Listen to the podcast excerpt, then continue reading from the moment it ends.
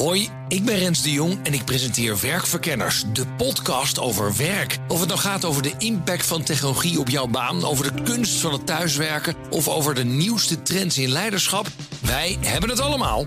Luister iedere dinsdag om 3 uur naar BNR of wanneer maar wil op je favoriete podcastplatform. Werkverkenners wordt mede mogelijk gemaakt door Prescan. Prescan, ga voor je gezondheid. Crypto-update. Herbert Blankenstein is bij ons presentator van BNR's CryptoCast... ons programma over bitcoin en andere digitale coins. Nou, Herbert, ja, vannacht het nieuws. Twee topbestuurders die eh, met Sam Bankman-Fried betrokken waren... bij FTX en de demise van dat bedrijf... van dat crypto-wisselplatform en van Alameda Research... die hebben zichzelf uh, daar toch maar gezegd van... Uh, ja, we hebben fraude gepleegd. Interessant, hè? Dat, ja, een bekentenis. Heeft hij zelf niet gedaan, dat hè? Zijn dat heeft hij zelf niet gedaan, nee. nee. Dus uh, dat is pikant. Uh, het gaat om medeoprichter van FTX, uh, Gary Wang. En om de CEO van dat andere bedrijf, het zusterbedrijf Alameda. En zij heet Caroline Ellison. Ja, dichter bij SBF zelf kun je helemaal niet komen. Um, deze twee werken mee met justitie.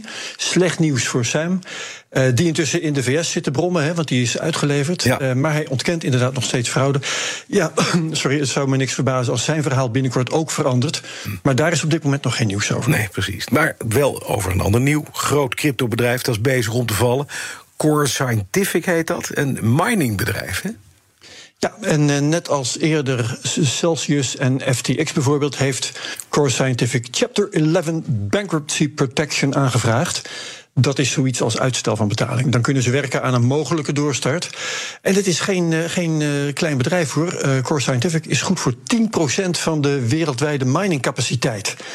En het is altijd lullig als een groot bedrijf kopje ondergaat. Maar wat is de, de zonkant hiervan? De overblijvende partijen krijgen natuurlijk nu allemaal een grotere punt van de taart. Dus dat geeft lucht aan de andere miners die het ook moeilijk hebben op dit moment.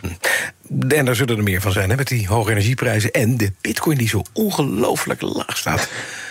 Ja, uh, het is hangen en wurgen voor veel miners op dit moment. Um, je hebt Iris Energy en mm -hmm. Argo Blockchain. Die staat het water aan de lippen. Je hebt Greenwich Generation. Die hebben binnen twee maanden nieuw geld nodig, anders is daar ook einde verhaal. Mm -hmm. En ja, op de Bitcoin-markt is het heel simpel. Hè. 10% minder capaciteit betekent gewoon meteen 10% meer verdienen. Want je hebt niet te maken met iets als consumenten die minder gaan besteden of zo. Er is geen krimpende markt. Het is gewoon elke 10 minuten is er 6, nog wat Bitcoin te verdelen.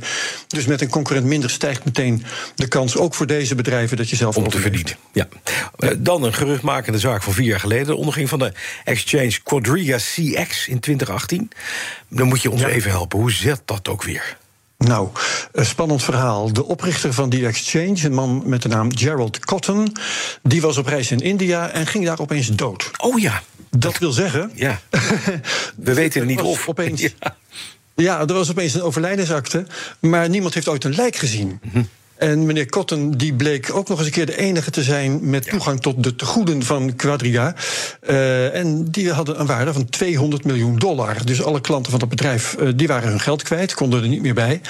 Behalve dat natuurlijk wel bekend was op welke bitcoin-adressen die tegoeden waren te vinden. Hm. Ja, dus die adressen die zijn gewoon al die jaren scherp in de gaten gehouden of iemand daar toevallig aan zat. Ja, en ineens is daar, dat is gek genoeg, beweging in gekomen.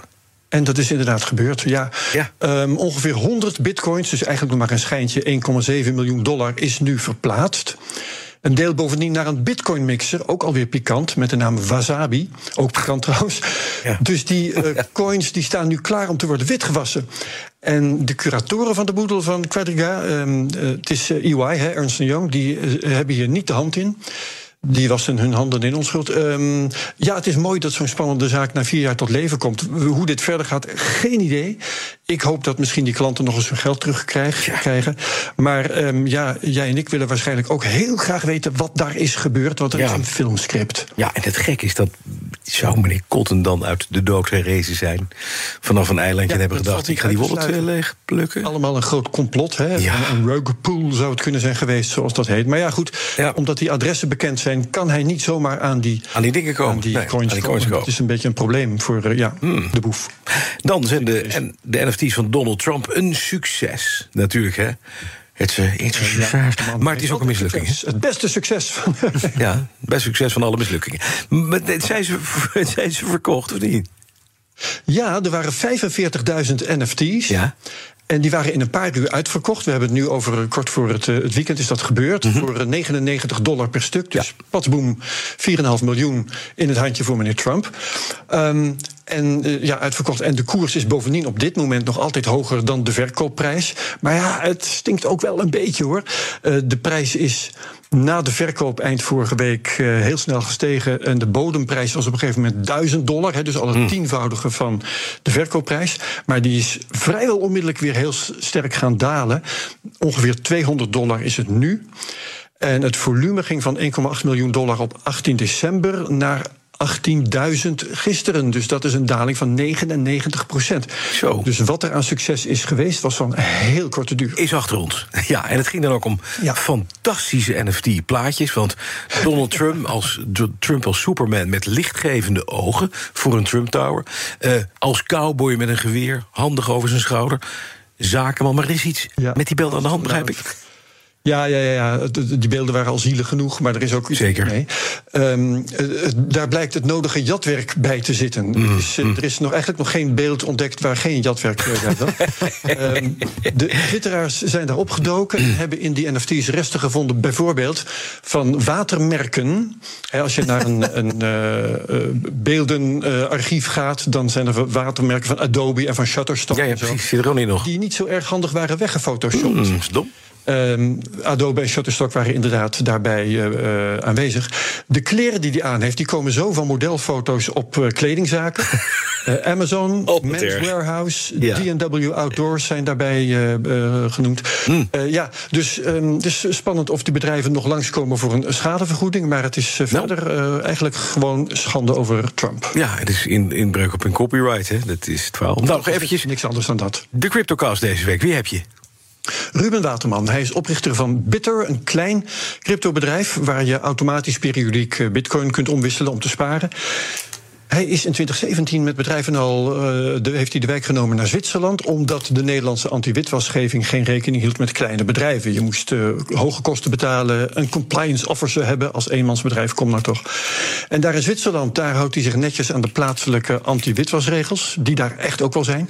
Hij heeft klein kunnen blijven en heeft kunnen groeien tegelijkertijd. En dat is een, ja, een interessant voorbeeld van hoe het ook kan. Nou, mooi. Dankjewel, Herbert. Alle afleveringen van de CryptoCast te beluisteren via de BNR-app, bnr.nl of de podcast-app van jouw voorkeur. Crypto-update wordt mede mogelijk gemaakt door BitTonic. Al tien jaar lang de Bitcoin-autoriteit van Nederland.